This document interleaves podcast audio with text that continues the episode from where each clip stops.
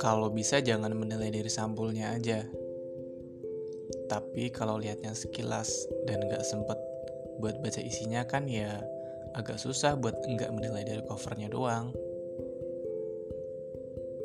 Sekarang tuh orang-orang jangankan baca isinya, kadang resensi aja di skip.